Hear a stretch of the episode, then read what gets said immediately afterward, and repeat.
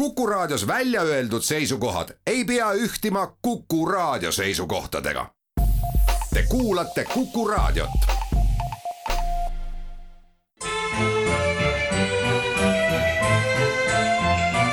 Memoria.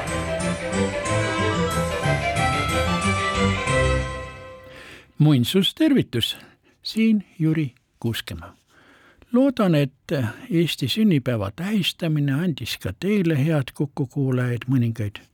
ülevaid ja meeldivaid tunnustestvaid elamusi. ja kahtlemata sellel ajal meenutati ka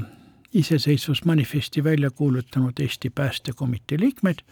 kellest kaks muide kandsid Konstantini nime. Konstantin Päts ja Konstantin Konik aga mina tahaksin sellesse Konstantinide duetti lisada täna veel kolmanda Konstantini,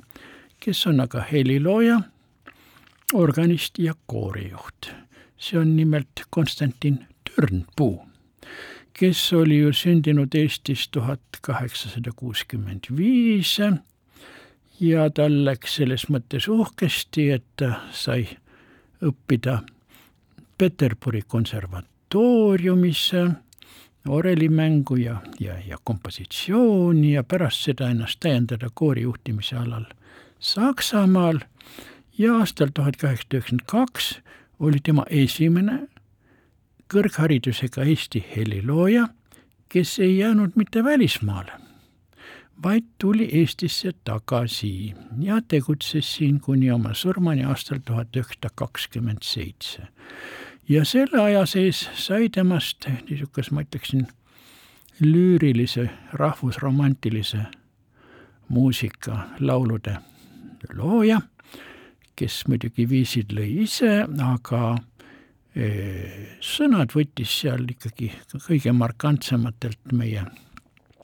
kultuuri- ja kirjanduse tegelastelt, alates Lydia Kodulast Pääle ja tema juhtis siin ka tuhande üheksasaja kuueteistkümnendast aastast Eesti Meeste Koorilaulu Seltsi. Ja nii edasi. ja temalt on välja antud plaat, see on Priiuse hommik, mis imehästi sobib ka Eesti sünnipäevaga. Ja me võtamegi kõigepealt Törnpoolt kuulata just seda Priiuse hommikut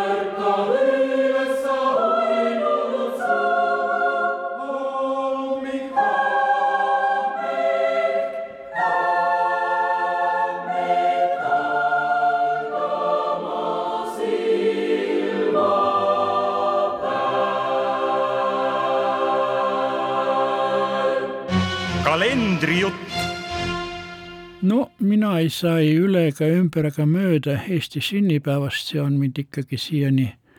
nagu täitnud mitmes mõttes. ja mul on veel teha mm,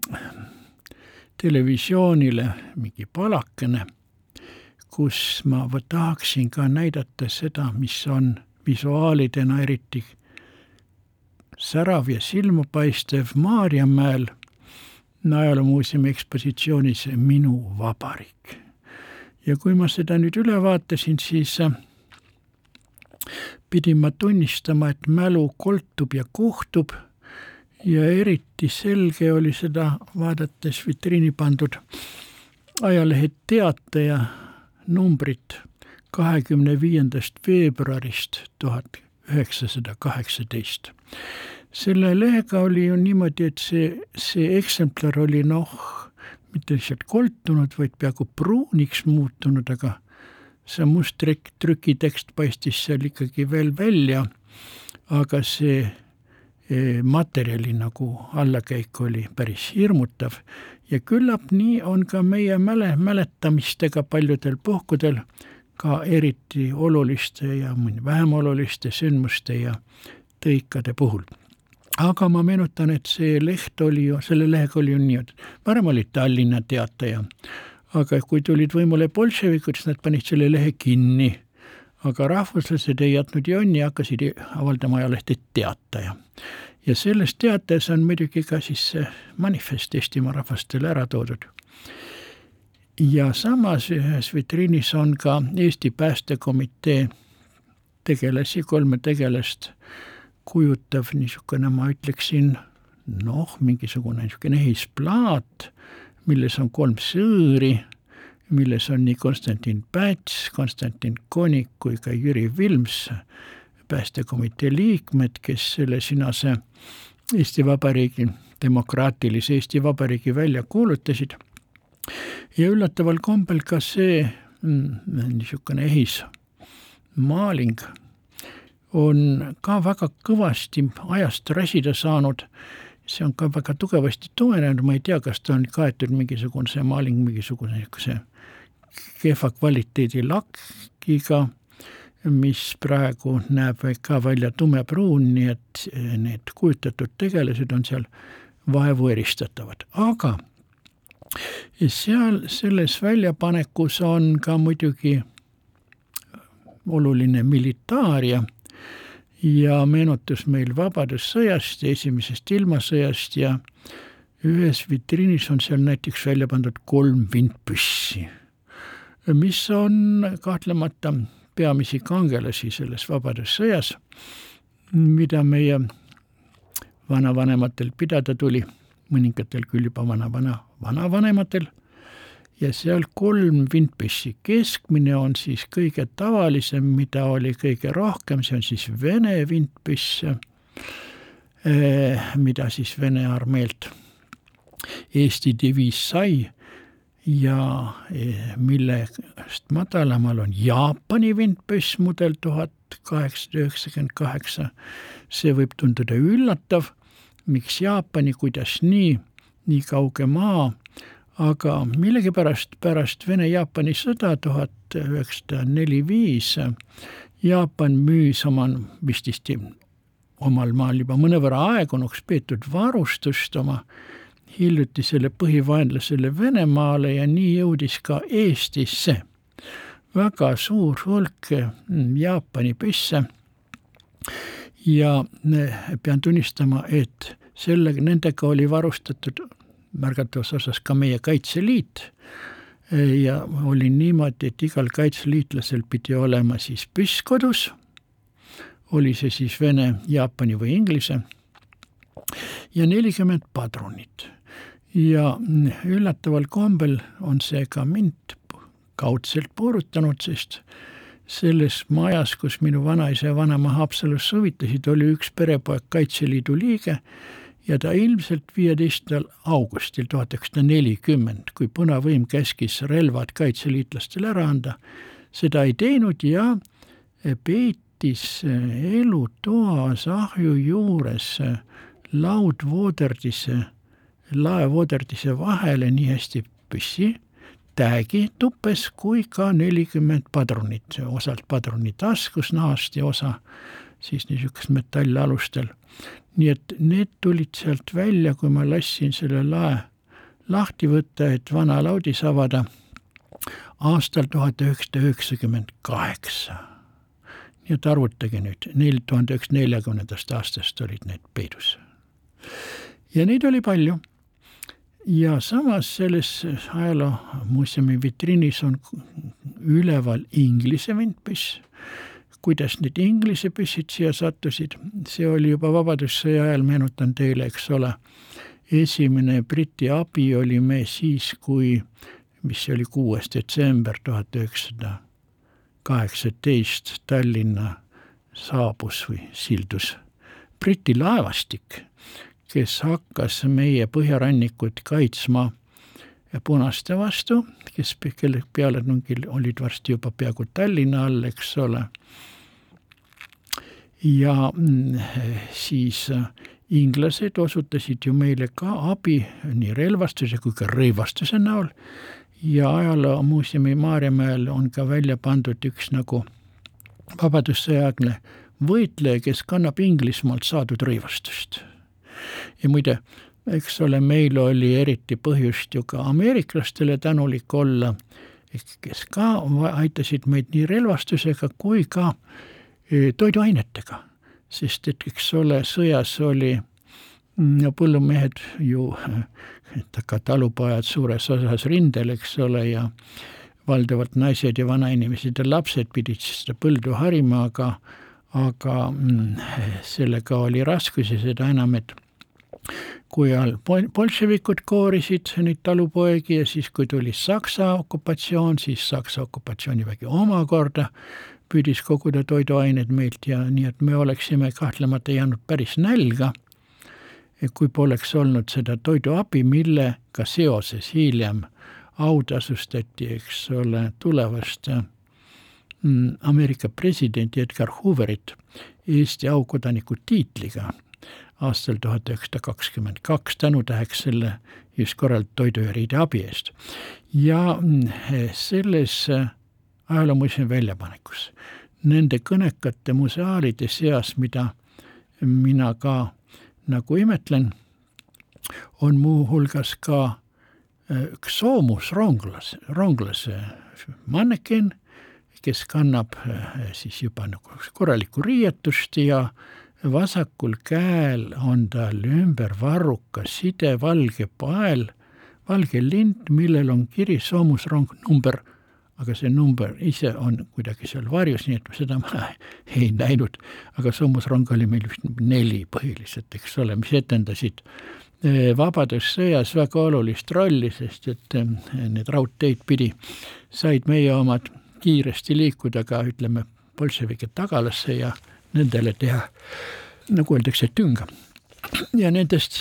silmatorkavamatest eksponaatidest, mis seda Vabadussõja, sõda ja muidugi Esimest maailmasõda ka meile meenutavad ja visualiseerivad, on ka niinimetatud äh, naelasuurtükk. kuidas seda mõista, see pole suurtükk, mis naelu välja tulistas, vaid mille mürsk kaalus ühe naela, see on siis natuke üle neljasaja grammi, kaliiber üks viis kolm ja selle suurt, see suurtükk on siis vene päritolu võrdlemisi väike, mida, eks ole, üks, üks hobune vedas ja vahetult seal kaks meest või jõudsid kuskilt lohust välja sikutada. nii et seal on muidugi teisigi eksponaate, kahjuks on seal võrdlemisi kidurad fotod meie tollastest liitlastest, nagu seda on eh, Taani vabatahtlike pataljon, mille puhul on eriti vaja rõhutada seda, et täpselt see siis seitsesada aastat tagasi, taan-, aastal tuhat kakssada üheksateist, eks ole, taanlased koos sakslastega vallutasid Eestimaad, aga see tuhat kakssada üheksa, tuhat üheksasada üheksateist tulid taanlased meile vabatahtlikult appi, et me saaksime iseseisvaks et see on huvitav ajalooline niisugune kontrast kokkusattumise põhimõttel. Ja samas on seal foto ka meie kõige enam kannatanud, ütleksime, lääneliitlastest, see on siis, või võib-olla põhjaliitlastest, Soome põhjapoegade rühm. Ja nende põhjapoegadega oli ju nii, et Paju lahingus meie väejuhatus tegi lolli otsuse ja sundis meid, meie, neid soomlasi ja eestlasigi minema rünnakule künkal paikneva mõisa suunas üle lageda välja, kus siis Läti kütid niitsid soomlasi, nii et neist sai kuuskümmend seitse surma ja selles lahingus sai surma ka Kuperjanov. muide, Maarjamäel on ka, tõsi, see on siis suures plaanis Julius Kuperjanovi, meie rahvuskangelase foto ja tema kuup. vot selles mõttes on need niisugused hingeminevad museaalid, no eks seal ole ühte kui teist ka, aga minul jäävad need asjad nüüd kahtlemata elu lõpuni meelde. aga kui me nüüd räägime kalendrijuttu, nagu tavapäraselt meil siin Memorias on kombeks, vana kirikukalender ja rahvakalender, katoliku ja ja luter, luterliku maneeri järgi, siis ma pean tunnistama, et katoliklased on tekitanud kalendris segadust. sest tänane päev, mis ta siis on, kahekümne kuues veebruar, see on püha Valburga päev. no aga meie ju teame kõik, et Valburgi öö on hoopis öösel vastu esimest maid. Ja see on Valburga päev. Valburga äh, oli tegelikult üks saksa kloostri vaga abtiss, aga tema ööd, seda vastu esimest, maid seostatakse nõidade triumfikäiguga ja sõitudega küll luudadel ja leivalabidatel, saatanatega pidutsema ja, ja, ja nurjatusi ja kõlvatusi tegema, nagu me teame, eks ole et see on ohtlik, seal võib palju pahandust juhtuda, kui me ei ole seal, kus tarvis ja ei oska ennast hoida. aga e, kui nüüd see Valburga öö või päev on täna, siis ei ole järgnemas niisugust koledust e, nende nõidade, tempude, trikkide näol, aga Valburga seega ei ärata ka nagu meis erilist nagu tähelepanu, sest neid vagasid magasid naisterahvaid, kes eelistasid Jeesuse, ega mitte ilmalike meeste pruutideks saada ja nii edasi, on üsna palju kirikukalendris, aga nii see on, eh, sest ka, eks ole, katoliiklased on teinud ju oma kalendrisse mitmesuguseid reforme. Ja nii on mõni teinegi, teinegi vana rahvakalendris tuntud päev hoopis sattunud suurde nihkesse, aga meie teiega varsti võime tähistada jällegi klassikalisi mm, mm, kalendri tähtpäevi, need on varsti jälle tulemas, aga seniks täna kalendrijutu seoses toreda vabariigi aastapäevaga eelkõige. Lõpetaksime ja kuulaksime taas üht Konstantin Türnpukk komponeeritud laulu see on siis nüüd Tuudur Vetiku sõnadele ajaratas, mis meile Memoriasse peaks eriti hästi sobima.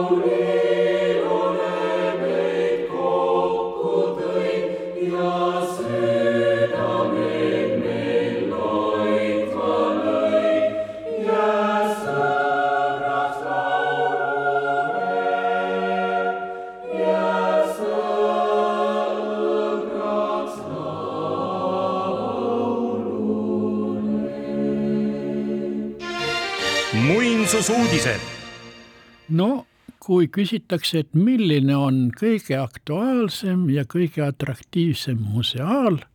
siis tuleb praegu vastata, et selleks on Vene tank T seitsekümmend kaks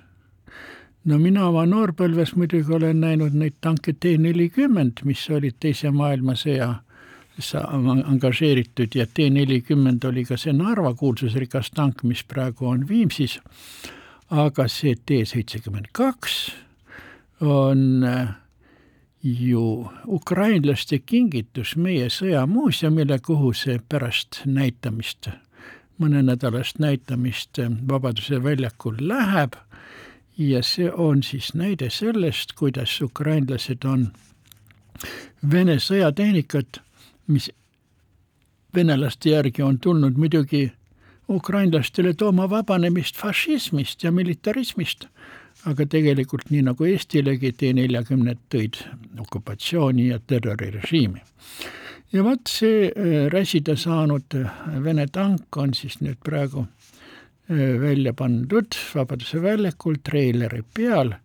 ja on ainu-, aga ainult vaatamiseks, sinna ei soovitata ronida üles sinna peale ega ka sisse, sest see on nüüd ütleme põlenud ja ja seal võib kuskile kinni jääda ja ennast ära määrida, nii et vaadakem seda siis tähelepanelikult. no ühtlasi see on paras ninanips ja muidugi ka vihje ülemäära rahvuslikult meelestatud venelastele, kes, kes ikka põevad selles illusioonis, et äh, nemad oma tankide ja tääkidega tõid vabastuse meile ja paljudele teistelegi, aga nii see siis nüüd on. Et tõlgendagu seda asja ka Ukraina vaatevinklist. aga tore on. nüüd ühes asjas olen mina nüüd muinsusuudiste vallas ajast maha jäänud nimelt on paar nädalat tagasi juba välja tulnud trükist uus aastaraamat, kogumik Vana Tallinn, mille väljaandmise eest ju eh, hoolitseb nüüd Tallinna Linnaarhiiv, varem oli see nagu Raimo Pullati niisugune soolo. ja selles eh, Vanas Tallinnas on ju loomulikult väga erilaadseid artikleid, aga üks neist on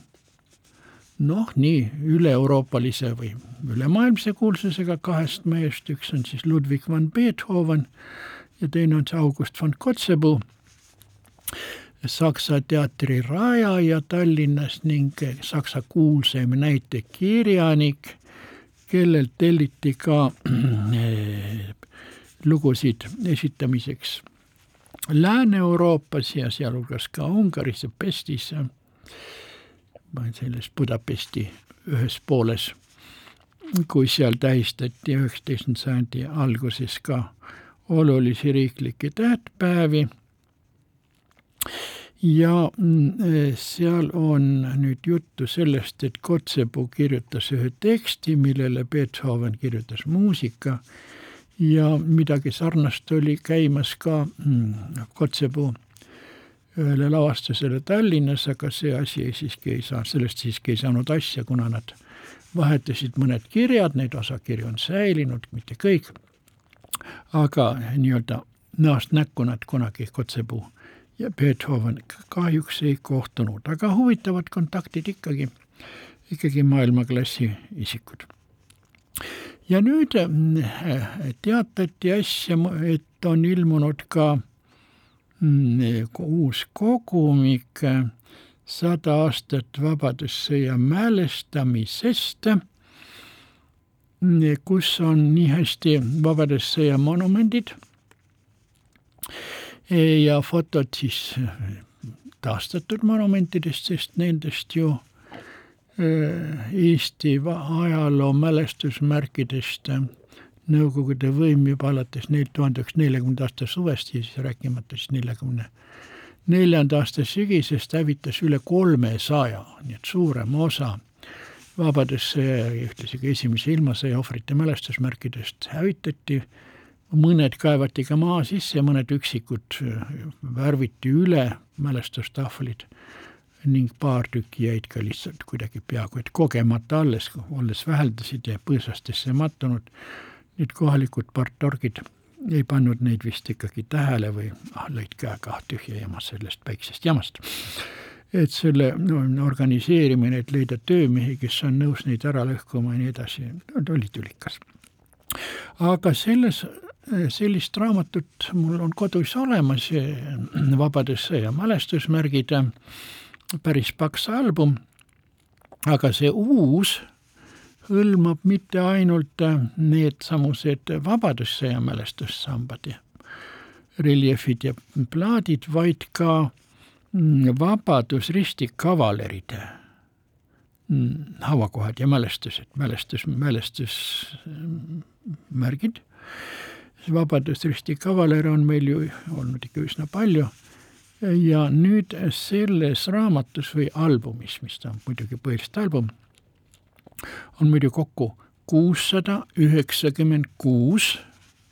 objekti, mida siis on meenutatud ja millest nüüd praegu suur osa on ju ka taas reaalselt olemas, sest et neid hävitatuid hakati ju Muinsuskaitse Seltsi algatusel taastama juba rubla aja lõpul, kui meie Muinsuskaitse Selts sai loodud, eks ole, tuhat üheksasada kaheksakümmend seitse, kaheksakümmend kaheksa, kaheksakümmend üheksa läks siis see rahvusliku mm, iseseisvumise kampaania raames ka käiku Eesti Vabariigi loojate ja vabaduse eest langenute mälestuste, mälestiste taastamine. ja ma meenutan siin puhul veel kord, et kui mm, bolševikud kahekümne seitsmendal novembril tuhat üheksasada kaheksateist ületasid Narva jõe ja tungisid Narvasse, et hakata siin rajama niisugust Eestimaa töörahva kommuunat, siis äh, olid väga paljud eestlased mures, et Venemaa vastu ei saa, et see on kärbes hiiglase vastu. ja ma meenutan siin puhul ühte niisugust rahvalikku ütlust, mida mm, tsiteeris mm, üks vene noormees alles tuhande üheksasaja seitsmekümnendatel aastatel. ja see ütlus on niisugune eestlase Venemaa, Eesti ja Venemaa võrdluses. Litsa muhha narbus что не влезает брюхо. et korjustab kärbes arbuusi peale, et see ei mahu talle kõhtu. ja vaat sellist nii-öelda arbuusi kõhtu mahutamist tundub, et mõnevõrra seda poliitikat praegu tikuvad ajama ka mõned, mõned meie Eesti poliitikud, et võttes endale üle jõu käivaid nagu aktsioone Venemaa vastu, aga see on minu arvamus, ma võib-olla lähen sellega ka liiale, aga nüüd see album Vabaduse Risti kavalerid. E, ja mm, mälestus, Vabadussõja mälestusmärgid on kahtlemata Eesti patriootidele uus ja oluline mm, reliikvia, reliikviatest, aga samas oli äsja sel lõppeval nädalal Linnaarhiivis kogunemine, kus pikaaegne Balti-Saksa Kultuuriseltsi juht Olev Liivik esitas uut raamatut, mis on ka priske. selles on viissada üheksa lehekülge ja selle raamatu puhul Olev Liivik oli siis koostaja ja toimetaja ja kommentaator ja sellel raamatul on võl-, väga võluv nimm pealkiri. surm peab ootama. ja see on niisugune lause, mida meie eakamate hulka kuuluvad inimesed võiksime kõik omaks võtta, oma motoks, surm peab ootama, meie elame veel. aga selle äh, raamatu alapealkiri on siiski niimoodi, niisugune, et äh, eesti-sakslase Georg Heitmanni päevik aastatest tuhat üheksasada nelikümmend viis, tuhat üheksasada nelikümmend seitse. ja selle mm, Georg Heitmanniga oli niisugune lugu, et tema oli mm, raamatupidaja, Kärdla Kalevivabrikus alates aastast, aastast tuhat üheksasada kakskümmend kaks kuni nelikümmend viis kuni küüditamiseni ja tema äh, nii-öelda rahvuslusest nii palju, et ta oli küll pärit küll sakslane, aga ta oli abielus Peterburist kositud saksa-vene segu naisterahvaga ja omavahel rääkisid nad vene keeles. ja Heitmann pidas ka vene keeles päevikut, ta oli Venemaal ka hariduse saanud, aga oma tütrega rääkis ta saksa keeles. nii et see oli niisugune, võiks öelda, polüfunktsionaalne rahvuslus. aga lapsepõlves oli ta kord nii õnnetult kukkunud, oli vigastanud oma selgroogu, oli jäänud küürakaks ja väikesekasvuliseks ja ja oli siis selle tõttu vast mm, jäi ka vist ellu Venemaal, olles küüditatud aastal tuhat üheksasada nelikümmend viis, kuna ta ei olnud töökõlbulik, palju pidi aega ta veetma eh, haiglates ja samuti siis sattus ta ka hooldekodusse ja ja temaga oli niisugune lugu, et ta oli väga, mm, väga raamatupidajalik oma mentaliteedi poolest. ühesõnaga, ta kirjutas oma päevikusse selliseid üksikasju, mida vast üks keegi teine mitteraaamatupidaja poleks teinud, näiteks millise hinna eest oli teatud külas võimalik osta külma võetud kartuleid? Ja millise hinna eest oli võimalik osta külma võtmata kartuleid? Ja kes müüs ja kes ostis ja kes vahendas ja kes tõi kohale ja nii edasi, rääkimata siis ka kõigest muust. ja see sinane Georg, kui ta küüditati, siis äh, ta arvas, et ta naine saadetakse talle järele, küüditamise hetkel naispool naine oli Tallinnas, teda ei võetud ja mm, siis ta võttis kaasa kohvri naise riiete ja kingadega sinna küüditamisalale. see oli Permi toonane Molotovi oblast seal Uuralite külje all ja äh, osutus, et see, kuna naist järele ei saadetud,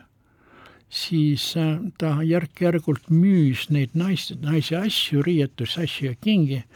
ja sai selle eest defitsiitseid toiduaineid, võib-olla ta oleks muidu ka oma esimesel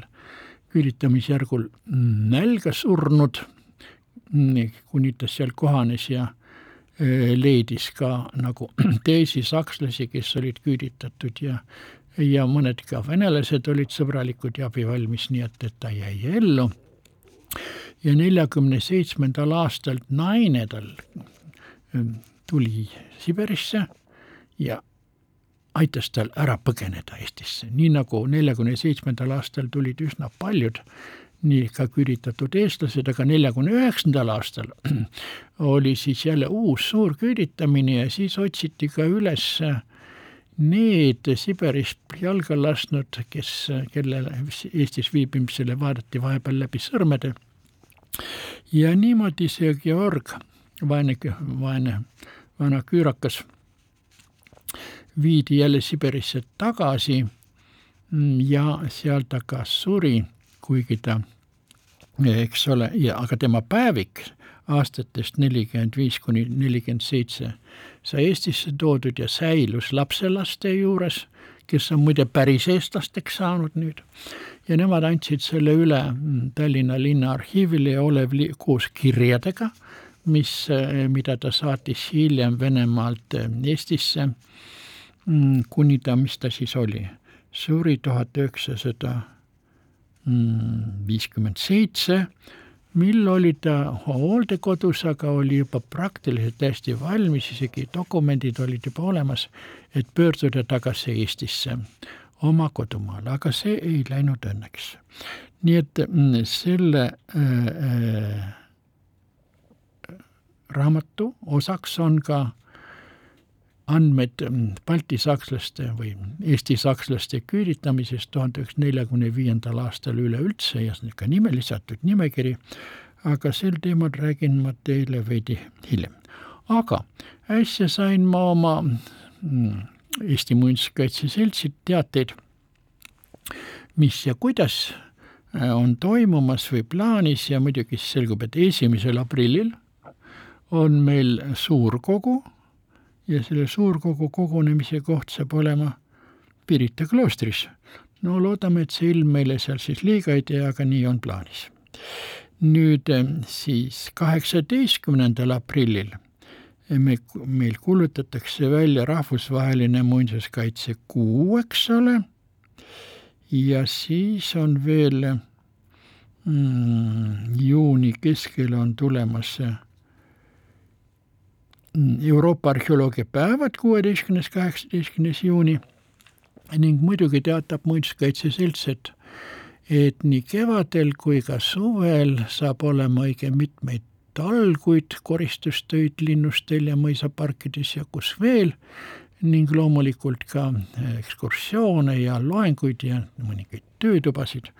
Nii et, et Eesti Muinsuskaitse Selts kavatseb ennast usinasti liigutama hakata. Aga meie teiega võtame nüüd taas kuulata Konstantin Türnpuu väga, väga rahvuslikku laulu Mu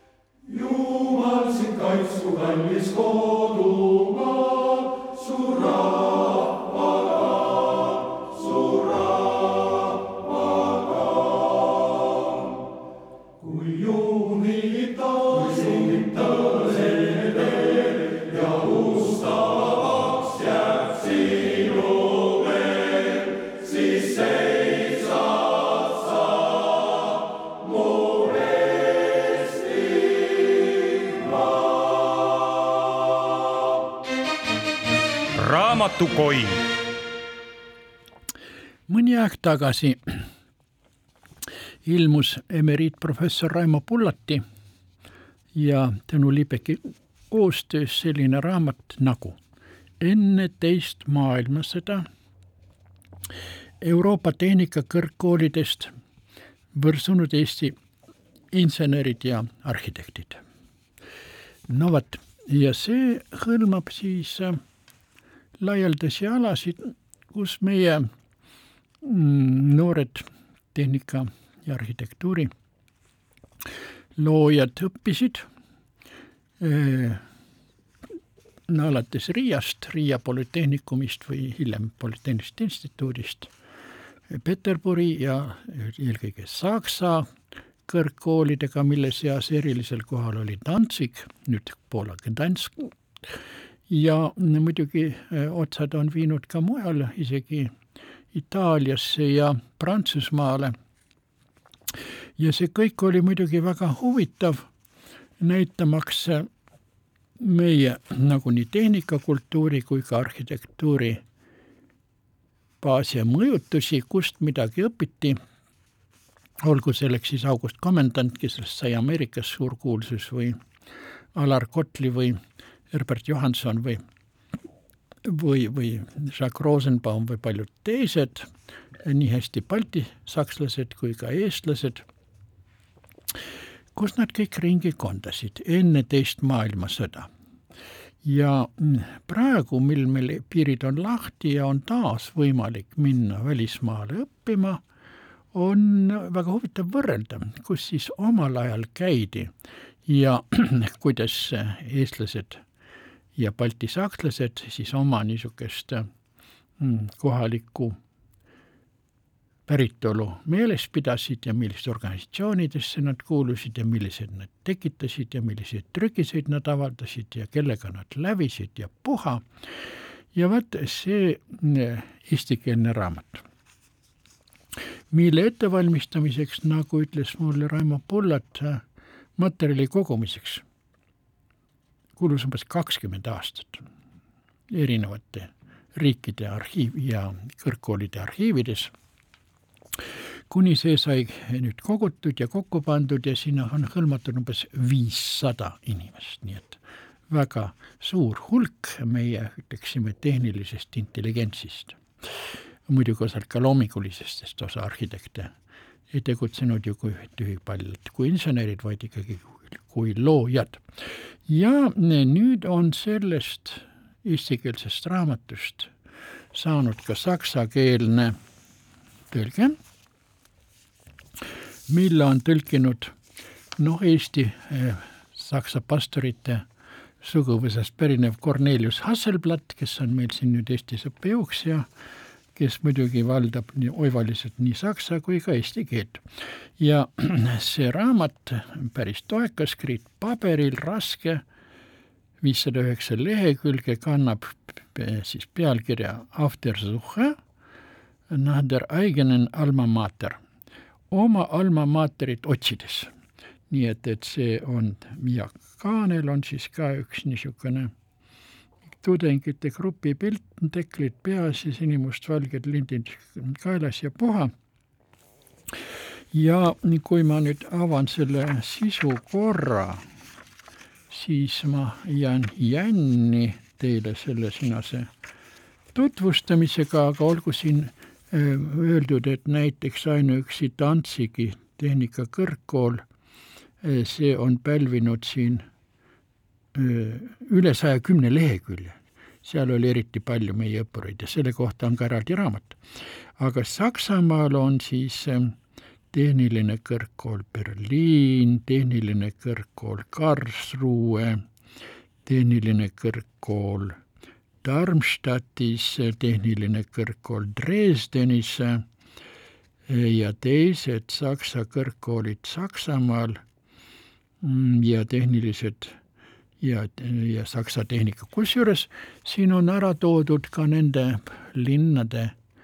fotod sellest ajast, kui meie omad seal õppisid ja mil nad ei olnud veel eh, teises maailmasõjas sõdi, sõdiks pommitatud ja palju, paljuski kaotanud oma ajaloolise ilma, aga siin on muidugi, nagu ma ütlesin, et need sinased veel Tšehhoslovakkia, Prantsusmaa, Viin ja Graz, Zürich ja teised, nii et ja siin on muidugi ka siis nimede register ja see on rikkalikult illustreeritud, nii et, et tõesti tuleb imetleda mm, doktor Raimo Pullatit, kes väsimatult ikka veel tegutseb. Ja olgu öeldud, et nüüd on juba ilmunud neliteist raamatut välismaal, seal on siis Poola, Saksa, Soome, Läti keeltes ja on no, arvatavasti loota, et varsti tuleb ka täiendavalt Viina meri inglise keeles, mis kahtlemata saaks olema ka väga, väga mm, laialdast huvi pakkuv valdkond. nii et selles mõttes palju siis jõudu mm, professor Pullat ja Tõnis Liiga-, Liibek kahekesi sellise koostöö jätkamisel. aga loomulikult sellest raam-, raamat on seda väärt, et siit vaadata mõningaid lõikusid ja mõningaid isikuid, aga täna meil selleks lihtsalt ei jätku aega. ja meie teiega selle peale, mida meie siis kuulame, see on Anna Haava sõnadele laulu Lootus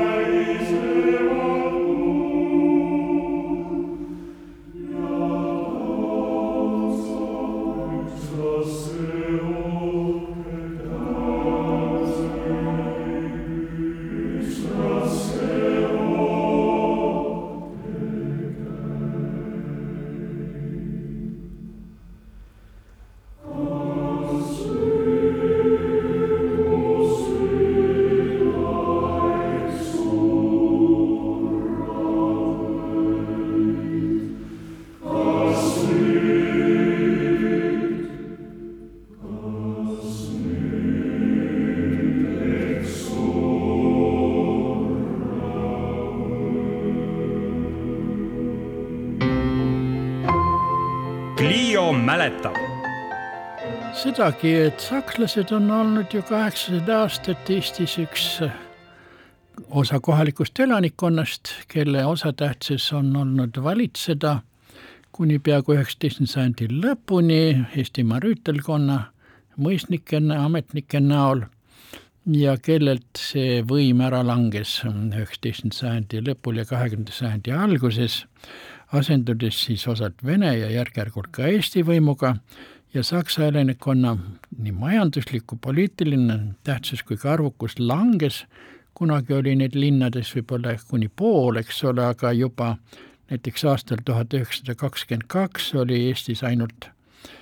kaheksateist tuhat kolmsada üheksateist sakslast registreeritud, kes moodustasid üks koma seitse protsenti kogu elanikkonnast. nüüd kahe, kolmekümne neljandal aastal oli neid juba üks koma viis protsenti ja mm, nüüd, kui oktoobrist tuhat üheksasada kolmkümmend üheksa, neli, kuni maini nelikümmend lahkus Eestist kolmteist tuhat sakslast niinimetatud umsiidlungi käigus, kelle hulgas oli umbes tuhat eh, mittesakslast valdavalt. Eh, ja tuhande üheksasaja neljakümne esimese aasta kevadtalvel lahkus kaheksa tuhat selle ümber, järelümberasumise käigus, kellest aga pooled olid eestlased. nii et, aga mõni, mõningane annus jäi siia ja osa tuli Saksa okupatsiooni ajal tagasi eh, ja siis äh, siia jäänud äh, võeti NKVD poolt ette tuhande üheksasaja neljakümne viienda aasta aastal, kui maa oli taas punavägede poolt okupeeritud ja siis äh, hakati koostama nimekirju nendest sakslastest, kes Nõukogude Liidu silmis olid muidugi Nõukogude Liidu ja Venemaa põhivaenlased, eks ole, ja need nimekirjad seati siis pisitasa kokku, kusjuures noh, sellega oli muidugi probleeme ja raskusi, aga e, kui nüüd toimus viieteistkümnendal augustil küüditamine, siis olid valdavalt